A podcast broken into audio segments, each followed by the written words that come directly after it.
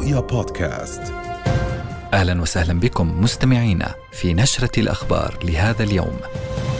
مساء الخير إنها السابعة والنصف وهذه نشرة الأخبار الرئيسية وكالعادة نستهلها بأبرز العناوين. في البداية ضيف الأردن الملك ورئيس الإمارات يطالبان بإغاثة الغزيين ووقف الحرب وحماية المدنيين من تداعيات استمرارها وفي عنواننا التالي سيف الحرمان الملك يحث المجتمع الدولي على مواصلة دعم وكالة أونروا. وكذلك ضمن نشرتنا هنالك مساءلة أممية. نقابة المحامين الأردنيين تشكو الاحتلال لدى المحكمة الجنائية الدولية. وفي الاقتصاد وفي استقبال شهر الصوم توجيهات حكومية باستباق تأمين السلع بأسعار مناسبة في المؤسسة المدنية. وفي النهاية جولة على الملاعب الحصان الأسود رهان على النشامة في نصف نهائي كأس آسيا لعام 2023 وإلى التفاصيل.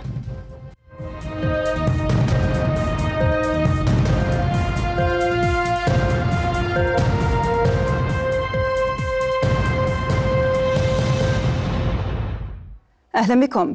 مطالبات بتكثيف العمل صوب وقف إطلاق النار وحماية المدنيين وضمان وصول المساعدات الإنسانية للأهل في قطاع غزة بشكل كاف ودائم. عناوين عريضة بحثها جلالة الملك عبد الله الثاني ورئيس دولة الإمارات الشيخ محمد بن زايد آل نهيان بحضور سمو الأمير الحسين بن عبد الله الثاني ولي العهد. وفي محادثات بقصر بسمان الزاهر حذر الملك والشيخ محمد بن زايد من تداعيات استمرار الحرب على غزة وتفاقم الأوضاع الإنسانية الكارثية هناك. كما جددا التأكيد على دعم الشعب الفلسطيني الشقيق لنيل حقوقه المشروعة وشددا على أن السبيل الوحيد لإعادة الأمن والاستقرار للمنطقة يكمن في إطلاق عملية سياسية وصولا إلى تسوية شاملة وعادلة للقضية الفلسطينية على أساس حل الدولتين. ودعا الملك المجتمع الدولي إلى مواصلة دعم وكالة الأمم المتحدة لإغاثة وتشغيل اللاجئين الفلسطينيين الأونروا لتمكينها من تقديم خدمات خدماتها الإنسانية الحيوية وفق تكليفها الأممي لا سيما في ظل الوضع الإنساني المأساوي في غزة. مع نهاية الشهر الجاري سينقطع تمويل وكالة غوث وتشغيل اللاجئين الفلسطينيين الأونروا. بينما صرح مدير عام دائرة الشؤون الفلسطينية رفيق خرفان أن الأردن سيواجه عبئا جراء انقطاع التمويل في قطاعات الصحة والتعليم والإغاثة. المزيد في التقرير التالي. من هنا يسير هؤلاء حائرين بشأن المصير الذي يترصد حياتهم بعد أيام قليلة. سينقطع التمويل الذي تقدمه وكالة غوث وتشغيل اللاجئين الفلسطينيين المعروفة بالأونروا. تعددت جبهات الحرب التي يخوضها الاحتلال فبدءا بالجبهة العسكرية ومرورا بالجبهة الإعلامية وليس انتهاء بالجبهة القانونية. فتح الاحتلال جبهته الأخيرة بالتحريض على وقف تمويل وكالة غوث وتشغيل اللاجئين.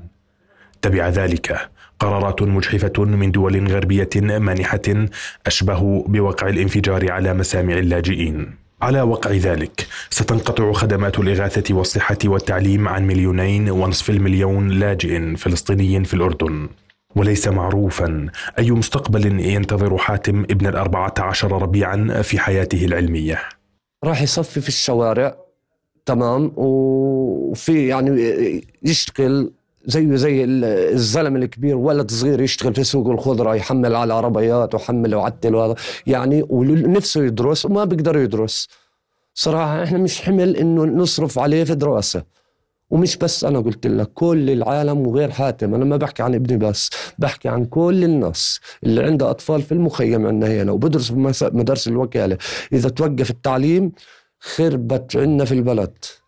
تتوالى المصائب المنتظرة بشأن لاجئي الأردن لكن الخطر الذي يستشعره خمسة آلاف وتسعمائة موظف في صفوف الأونروا سيحار تصنيفهم في أي طبقة من الفقر سيكونون.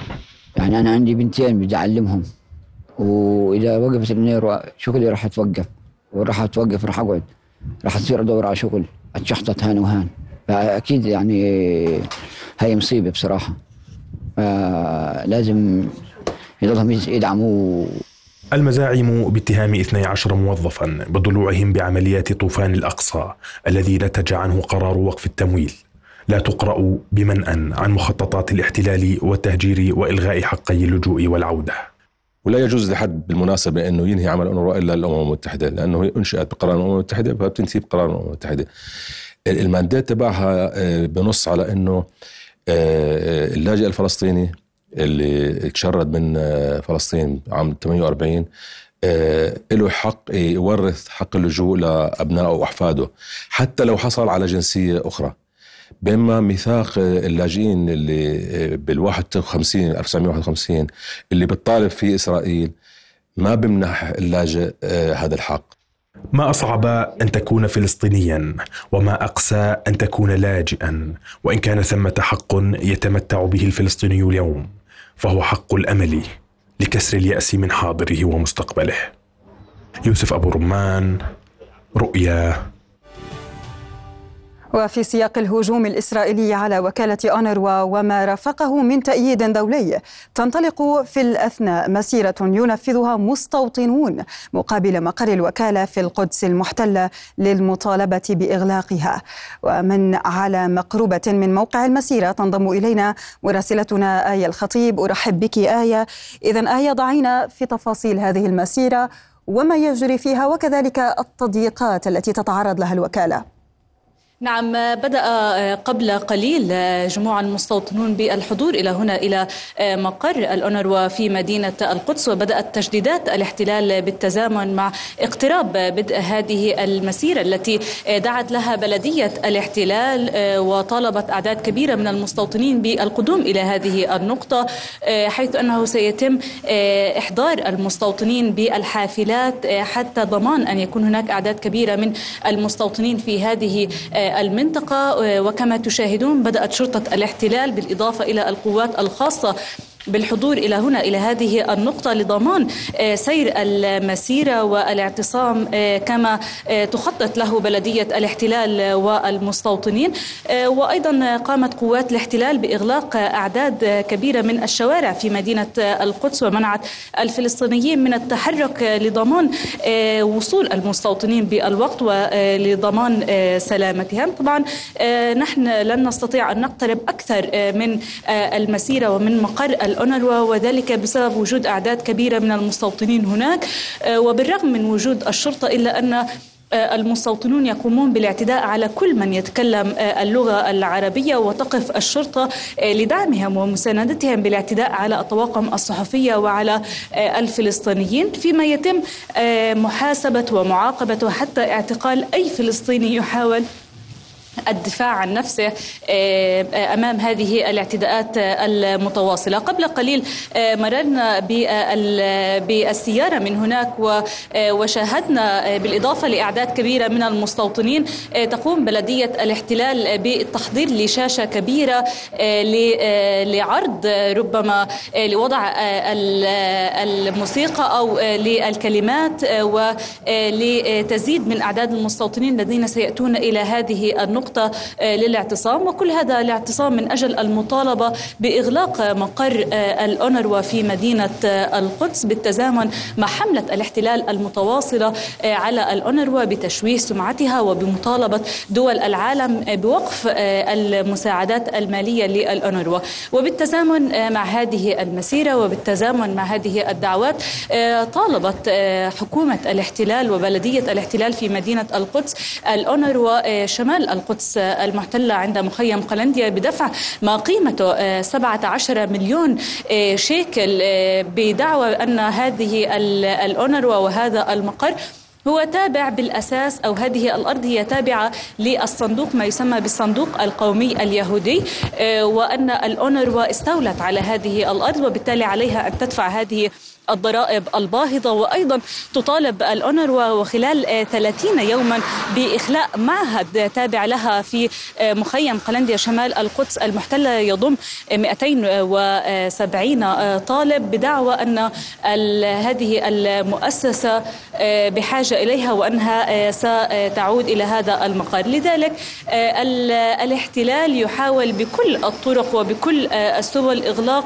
مقرات الأونروا في كل مكان. إن كان في قطاع غزة أو في مدينة القدس أو في الضفة الغربية في مدينة القدس ربما سيتمكن من ذلك لأن في نهاية المطاف حكومة الاحتلال والبلدية تحاولان جاهدا أن يتم إغلاق هذه المقرات إن كان هنا داخل مدينة القدس أو في مخيم قلنديا شمال العاصمة المحتلة. هناك المستوطنون يأتون من كل مكان باتجاه مقر الأونروا لإقامة هذا الاعتصام. على العلم بأنه في الأيام العادية يمنع لأي مواطن حتى بالاقتراب أو بركن المركبة بالقرب من مقر الأونروا ولكن في هذا اليوم بلدية الاحتلال وحكومة الاحتلال والشرطة تساهم وتساعد بأن يكون هذا الاعتصام ناجح كما يريدونه. وبحسب إعلام الاحتلال يبدو أن عدد من وزراء الاحتلال ومن الكنيسة سيأتون للاعتصام. مع المستوطنين عند مقر الأونروا. ولكن يعني الاحتلال يضع المعيقات أمام الصحافة الفلسطينية للوصول وتغطية هذا الحدث. أيضا يضع عدد كبير من الحواجز في محيط مدينة القدس لضمان وصول المستوطنين ولتسهيل وصولهم إلى هذه النقطة. من القدس المحتلة وعلى مقربة من مقر وكالة الأونروا. شكرا لك مراسلتنا آية الخطيب. تقدمت نقابة المحامين الأردنيين إلى جانب نقابات ومنظمات حقوقية عربية ببلاغ للمدعي العام للمحكمة الجنائية الدولية بحق قادة وأفراد في كيان الاحتلال الإسرائيلي بتهمة ارتكاب جرائم إبادة جماعية بحق الشعب الفلسطيني. وقال نقيب المحامين يحيى أبو عبود إن البلاغ قدم في مقر المحكمة بلاهاي الهولندية بتهمة ارتكاب أفعال تشكل جريمة إبادة جماعية بدولة فلسطين. واستند البلاغ وفق أبو عبود على توثيقات وأدلة وقرار محكمة العدل الدولي الأخير بشأن الشكوى المقدمة من دولة جنوب إفريقيا بحق الاحتلال. ويأتي هذا البلاغ بمثابة إعلان رسمي عن بدء الملاحقة القانونية والسعي لانضمام العديد من النقابات والاتحادات حول العالم لنصرة الحق الفلسطيني العادل. ويضم الفريق الدولي نقبتي المحامين الأردنيين والمحامين الفلسطينيين والاتحاد الوطني لمنظمات المحامين الجزائريين والنقابة الوطنية للقضاة الجزائريين ومنظمة المحامين بتونس ونقابة المحامين الموريتانيين. وصل وزير الخارجية الأمريكي أنتوني بلينكين إلى السعودية اليوم في مستهل جولته إلى الشرق الأوسط. الجولة الخامسة لبلينكين في الشرق الأوسط تأتي على وقع ارتدادات لمناقشات تهدف للتوصل لوقف إطلاق نار دائم في غزة في ظل الانشقاق الذي يتملك مجلس الحرب في تل أبيب وضمن تحضيرات الرئيس الأمريكي جو بايدن للانتخابات الرئاسية في نوفمبر المقبل. ما أن يغيب بقدميه حتى يطل رأسه. وزير الخارجية الأمريكي أنتوني بلينكين في الشرق الأوسط للمرة الخامسة منذ السابع من أكتوبر. فماذا يحمل في جعبته لهذه المرة؟ في ظل استمرار المناقشات المتعلقة بتهدئة ووقف لإطلاق النار وصفقة لتبادل الأسرى بين المقاومة والاحتلال استنادا لما تمخض عن مناقشات باريس الأخيرة. تأتي جولة بلينكين في وقت تظهر فيه إدارة رئيسه جو بايدن تدريجيا المزيد من الإحباط تجاه تل أبيب مع فرض عقوبات قبل أيام على مستوطنين متطرفين ومع تصريحات سلبية لبنغفير وسموتريتش تجاه البيت الأبيض على الرغم من عدم دعم واشنطن للدعوات الدولية لإسرائيل لوقف إطلاق النار في قطاع غزة المحاصر. بلينكين الذي سيبدأ جولته من الرياض حيث توقف قطار التطبيع قبل أيام فقط من ركوب بن سلمان مع بدء طوفان الأقصى. ثم سيكمل صوب تل أبيب ورام الله التي تؤكد الإدارة الأمريكية على أهمية دورها في اليوم التالي من الحرب على غزة بعد إجراء إصلاحات في سلطتها الوطنية. كما تشمل الجولة أيضا الدوحة والقاهرة العاصمتان اللتان تشكلان دور الوساطة الرئيسي في مفاوضات وقف إطلاق النار. سيناريوهان محتملان لجولة بلينكن الخامسة في الإقليم. يتوقف كل منهما على السياق الإقليمي والدولي وتطوراتهما. ومدى قدرة واشنطن على إقناع تل أبيب بوقف الحرب التي أضحت تهدد ليس فقط الأمن والاستقرار في الإقليم والعالم بل تهدد بقاء الكيان بحد ذاته وتقوض مرتكزات استمراره بعد سقوط نظريات الردع التي اعتقد قادته أنها قادرة على حمايته وتحقيق الأمن لمستوطنيه. السيناريو الأول يتعلق بفشل بلينكن بكسر التعنت الإسرائيلي وإحداث اختراق في الائتلاف المتطرف لبنيامين نتنياهو وهو ما يعني استمرار التصعيد بل وتوسعه اقليميا. أما السيناريو الثاني فيتعلق بنجاح هذه الجولة في الوصول إلى وقف طويل لإطلاق النار وكل هذا يريد بايدن من خلاله التسويق لنفسه في الانتخابات القادمة من خلال اللعب على وتري إنهاء الحرب بصورة انتصار إسرائيلية وإيهام الفلسطينيين في رام الله. بإمكانية إنعاش خيار حل الدولتين الميت مجددا. من فلسطين المحتله حافظ أبو صبرة رؤيا. طالب وزير الخارجية الفرنسي ستيفان سيجورنيه في مؤتمر صحفي عقده بمدينة القدس الغربية عقب مباحثة أجراها مع مسؤولين لدى الاحتلال بوقف دائم لإطلاق النار ووقف معاناة المدنيين في غزة وتحرير الرهائن لدى المقاومة في قطاع غزة. وشدد سيجورنيه على ضرورة ألا يكون هناك أي تهجير قسري لا من الضفة الغربية ولا من غزة كما طالب باحترام القانون الدولي الإنساني وإدخال المساعدات إلى قطاع غزة. وقال سيجورني أن لا أمان ولا استقرار دائم بمنطقة الشرق الأوسط دون حل الدولتين وشدد على أن غزة أرض فلسطينية. وأكد كذلك ضرورة تجنب تصعيد النزاع في المنطقة وخاصة في الضفة الغربية المحتلة. وتطرق الوزير الفرنسي إلى الأوضاع المأساوية في القطاع مشيرا إلى معاناة سكانه تحت القصف والحصار الكامل وحرمانهم من أدنى المساعدات لمعالجة المرضى والمصابين ومواجهة الأوبئة يواصل جيش الاحتلال الإسرائيلي ارتكاب المجزرة تلو الأخرى في قطاع غزة لليوم الثاني والعشرين بعد المئة مخلفا عشرات الآلاف من الشهداء والجرحى. وسط تخوفات من تفاقم الأزمة الإنسانية بفعل شح المواد الطبية والمساعدات الغذائية. وأفادت وزارة الصحة بغزة بارتكاب الاحتلال 13 مجزرة.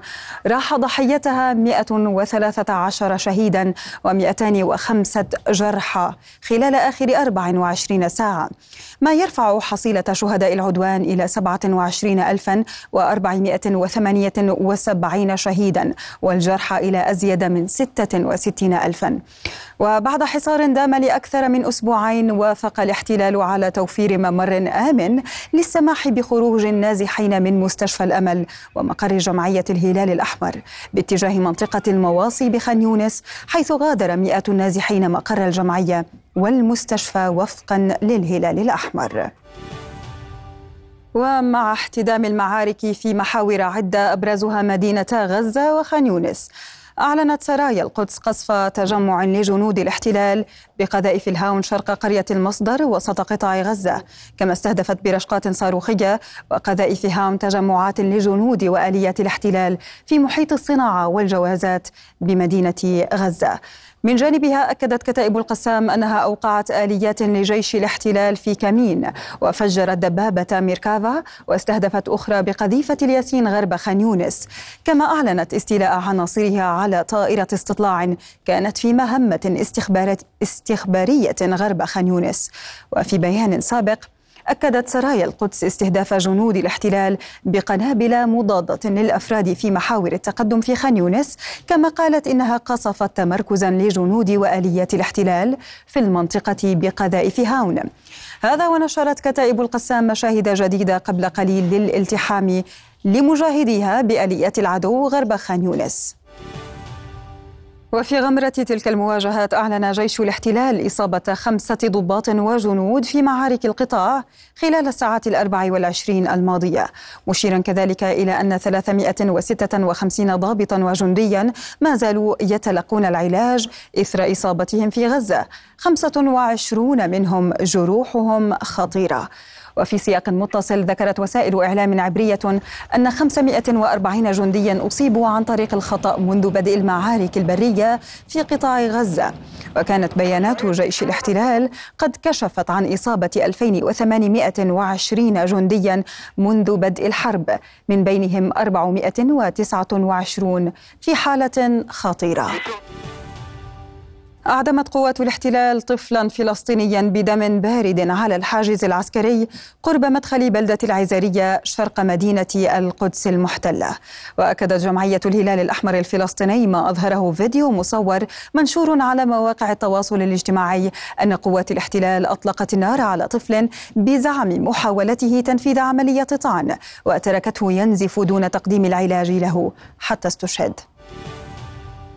في إطار الحملة اليومية المتصاعدة في الضفة الغربية المحتلة شنت قوات الاحتلال اقتحامات جديدة صباح اليوم لعدد من القرى والبلدات.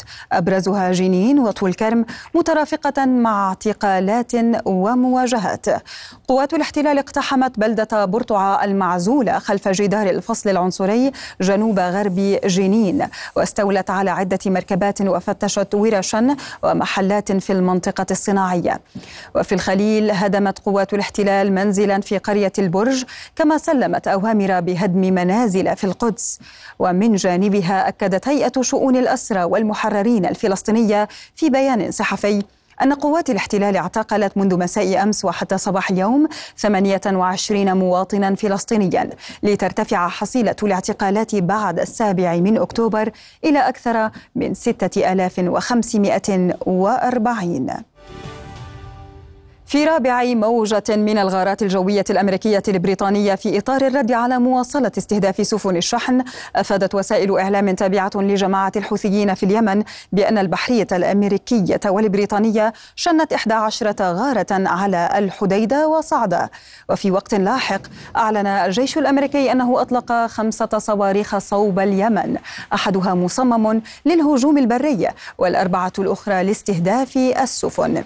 فيما أكدت القيادة المركزية الأمريكية سنتكوم بأن قواتها نفذت ضربة دفاعا عن النفس ضد صاروخ كروز حوثي للهجوم البري ثم قصفت في وقت لاحق أربعة صواريخ كروز مضادة للسفن. جميعها كانت معدة للإطلاق ضد سفن في البحر الأحمر. وكانت القوات الأمريكية والبريطانية شنت الليلة الماضية عشرات الغارات الجوية على أهداف في ست محافظات يمنية بينها العاصمة صنعاء. هذا وأكد المتحدث باسم وزارة الخارجية الإيرانية ناصر كنعاني بأن طهران ترفض التفاوض مع الولايات المتحدة بشأن التوترات في المنطقة فلا حاجة لذلك وفق قوله.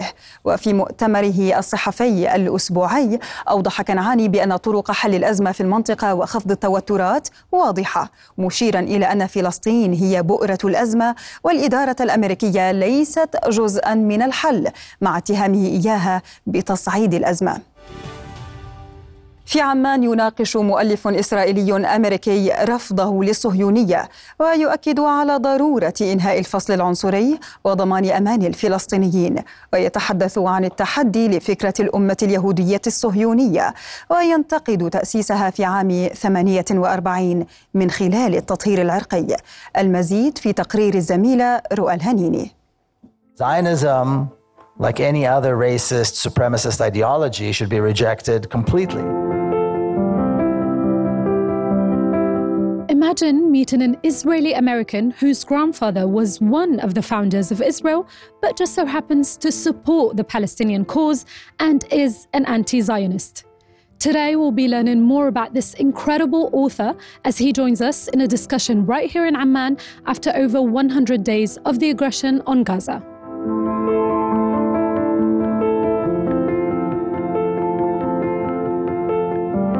I um, wasn't born and raised in Israel. I was born and raised in Palestine in a bubble that is called Israel that has been that was created on, on Palestine, on Palestinian land at the expense of Palestinians. Your father was a general in the army, fought in the 1948 Israeli Arab Israeli War.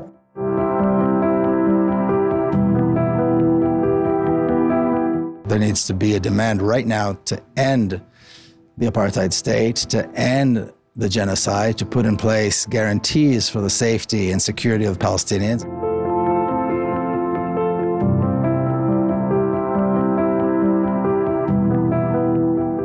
I think at this time, especially with everything happening in uh, Palestine and Gaza specifically, uh, it's very important uh, to have this dialogue. Well, some people say that I've crossed the line, that I've gone too far. It's a comment that I get from, you know, more liberal Israelis that think that they are very progressive, and they look at me and they say, you know, we agree with you, but 95%. You know, and you wonder, what is that 5%?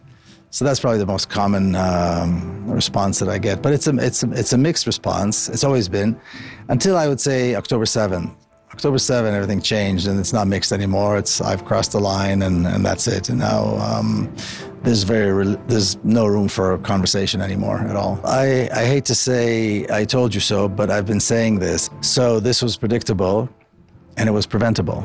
And so I think there's a lesson for all of us there. How are we going to prevent the next one? Because we know the next catastrophe is, is, is coming. I think it's predictable as well.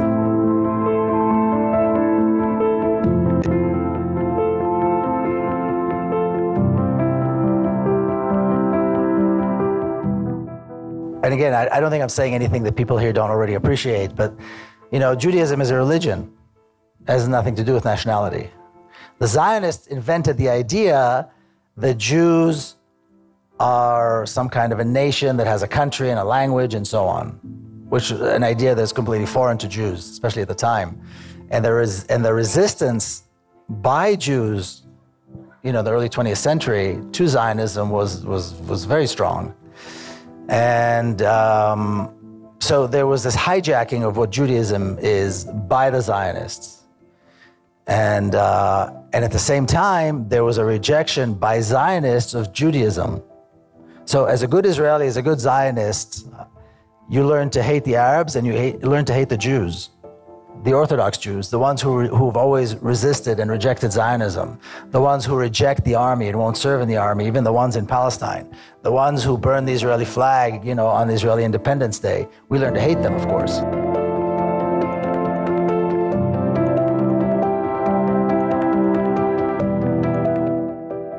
This, the state of Israel was established, and there was a consensus by Zionists of establishing the state of Israel. And it was established after what? Uh, you know, the reason at least half the people in this room are not in Palestine now, including you, is because of what happened in 1948. A massive campaign of ethnic cleansing, a brutal campaign of genocide.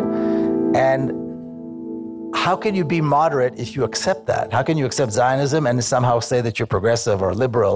It doesn't make sense.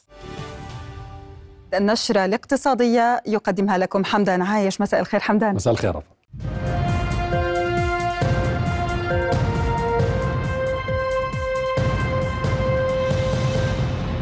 أهلا بكم ضمن خطة الحكومة لمواجهة الضغوط التضخمية واضطرابات الشحن البحري وجه وزير الصناعة والتجارة يوسف الشمالي إدارة المؤسسة الاستهلاكية إلى تأمين مخزونها من السلع خصوصا الرمضانية وعرضها في وقت مبكر قبل حلول شهر رمضان. الوزير خلال جولة على سوق المؤسسة الاستهلاكية المدنية في منطقة رأس العين في عمان تبادل الحديث مع المتسوقين مستفسرا عن مستويات الأسعار ومدى توفرها في السوق وأكدوا توفير جميع أنواع السلع وبأسعار مناسبة. ودعمت الحكومة المؤسسة بثلاثة ملايين دينار لتعزيز مخزونها من السلع وتثبيت الأسعار لنهاية شهر رمضان المبارك في جميع أسواقها السبعين.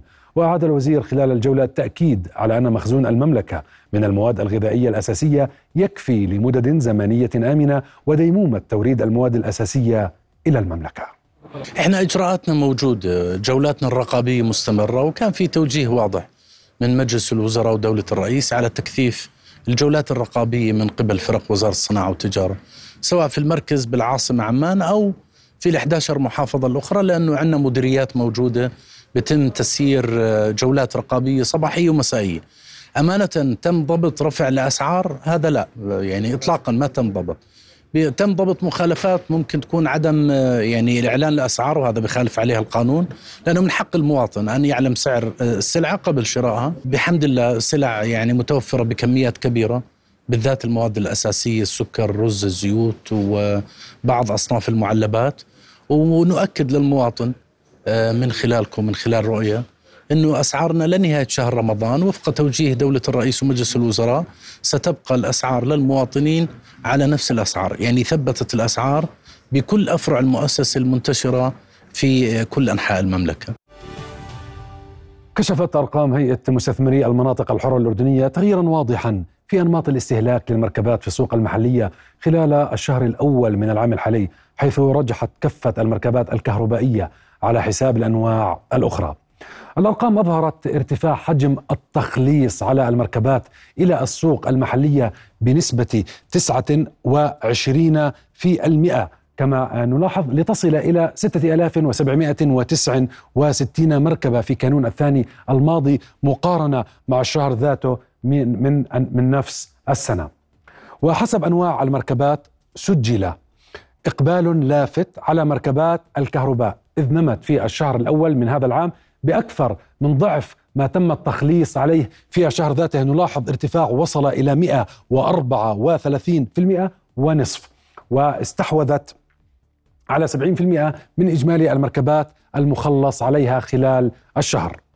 فيما سجل تراجع كبير على مركبات البنزين بنسبة وصلت إلى 57.3 في المئة عن الشهر المقابل من 2023 كما تراجع التخليص على مركبات الهايبريد وبنسبة أقل من البنزين بلغت آه، تقريبا 34 في المئة إذ تم التخليص على 927 مركبة فقط مقابل 1415 مركبة في كانون الثاني الماضي ما يؤشر على تغيير الاستهلاك في ظل ارتفاع أسعار البنزين وأيضا كلف الصيانة.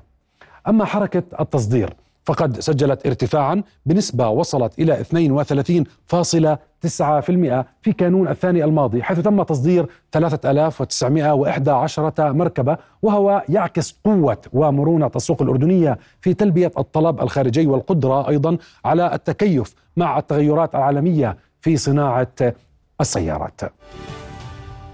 وبالانتقال إلى خبر آخر أعلنت شركة العقبة لإدارة وتشغيل الموانئ عن البدء بإعادة هيكلة وتحديث رصيف مؤتة المشترك الذي كان يستقبل بواخر نترات الأمنيوم حتى منتصف 2022 ليكون قادرا على مواجهة متطلبات العمل وفقا للمعايير أو معايير السلامة الدولية المطلوبة.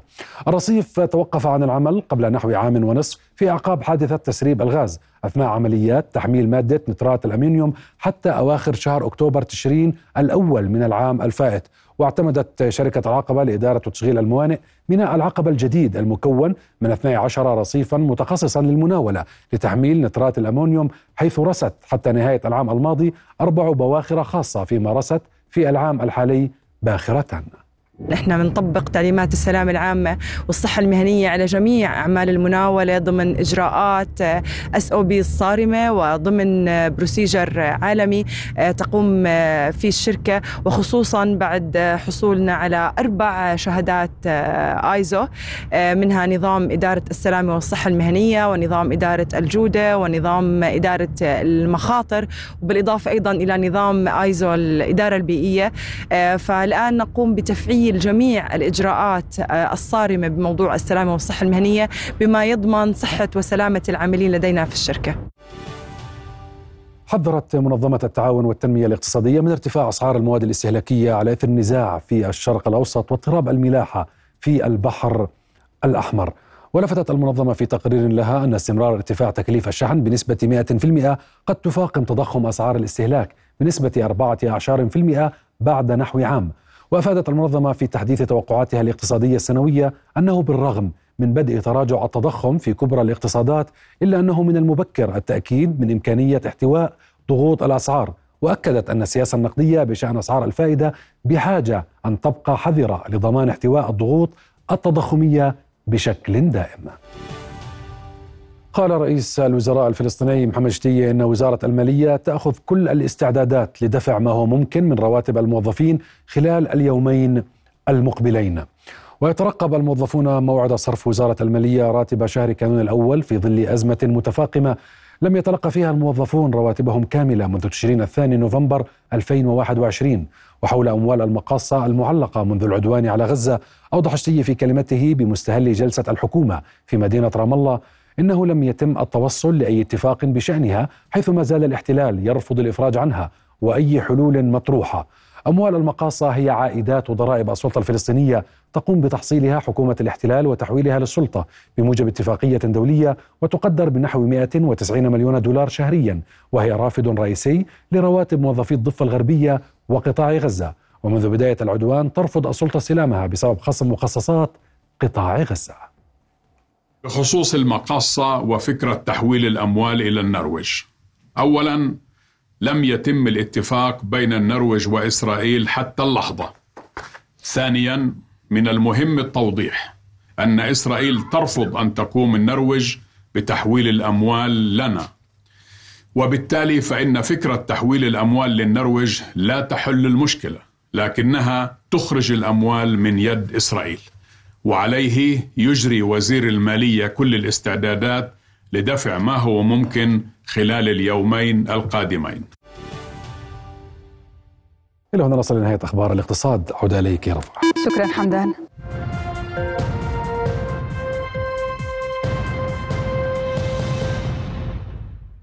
أهلا بكم من جديد. قال وزير الداخلية مازن الفراي إن الاستجابة للخطة الأردنية للاجئين السوريين لعام 2023 كانت أقل من 30% من حجم تمويل متطلبات الخطة البالغة مليارين و276 مليون دولار. وأكد الفراي خلال زيارته لمخيمي الأزرق والأردن الإماراتي للاجئين السوريين لتفقد قاطنيها والتأكد من سلامة البنية التحتية في ظل الظروف الجوية الحالية. أكد على أن المملكة تستضيف أكثر من مليون وثلاثمائة لاجئ سوري 120 ألفا منهم يعيشون داخل المخيمات فيما يقطن العدد المتبقي بين الأردنيين. واصفا تلك الأرقام بالكبيرة والصعبة على الأردن في ظل الظروف الاقتصادية الراهنة. وشكر الفراي دولة الإمارات على جهودها المقدمة في المخيم الأردني الإماراتي الذي يقطنه أكثر من ستة آلاف لاجئ لافتا إلى أن الخدمات المقدمة فيه على مستوى عال جدا.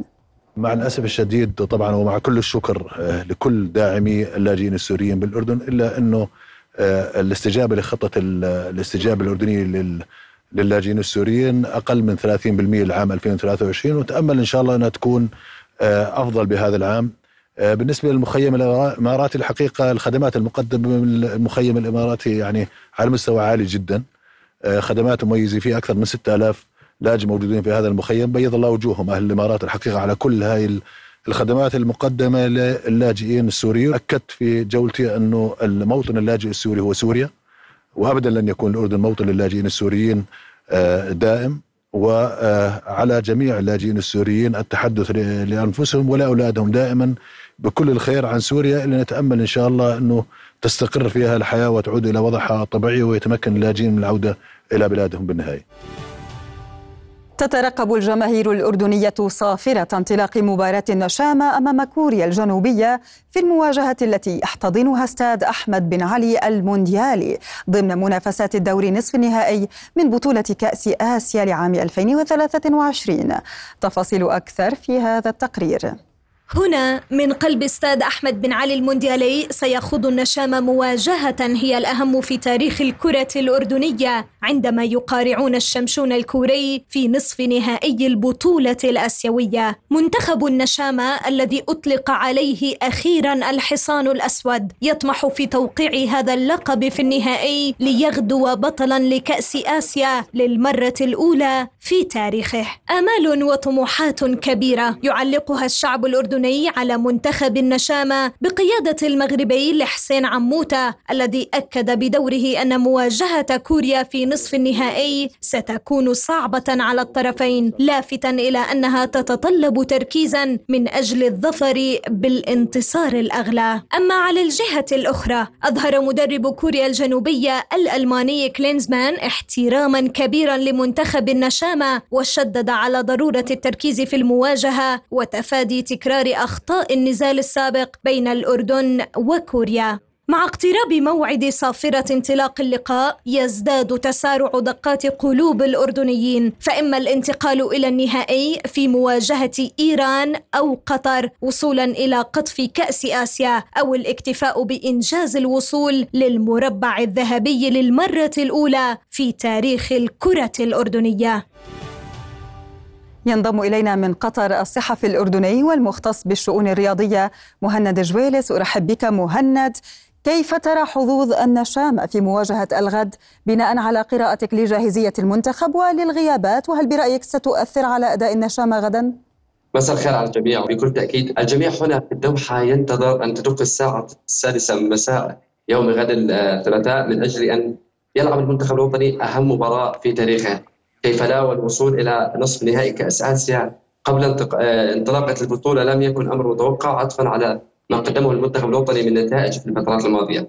لكن الآن تنتظرنا مهمة أصعب ويعني إنجاز تاريخي آخر نقدم عليه. بكل تأكيد الغيابات التي متوقع أن تطرأ على تشكيله المنتخب الوطني بغياب علي علوان وسالم العجلي قد تؤثر على خطة اللعب بالنسبة لحسين عموتة وحتى الجاهزية لدى بقية اللاعبين. اعتقد كان على المدير الفني في الفترات الماضية هو عدم إعطاء أكبر فرصة للاعبين الكثر من أجل أن يستثمر هذه الحالة البدنية أو الفنية عندهم في مثل هكذا مباريات، الآن علي ألوان وسالم العجلين كانوا في جميع المباريات السابقة كاساسيين، الآن مضطرين لاستبدال أحدهم بلاعبين لم يخوضوا دقائق كثيرة في هذه البطولة، نتمنى بأن يكون اللاعب البديل جاهز قدر المستطاع أمام منتخب ليس بالسهل ويريد أن يتوج باللقب بعد سنوات طويلة آه، لم يصعد بها على منصه التتويج.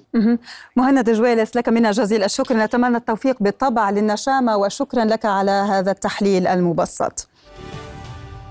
بهذا نكون قد وصلنا إلى ختام نشرتنا لهذا اليوم ودمتم في أمان الله.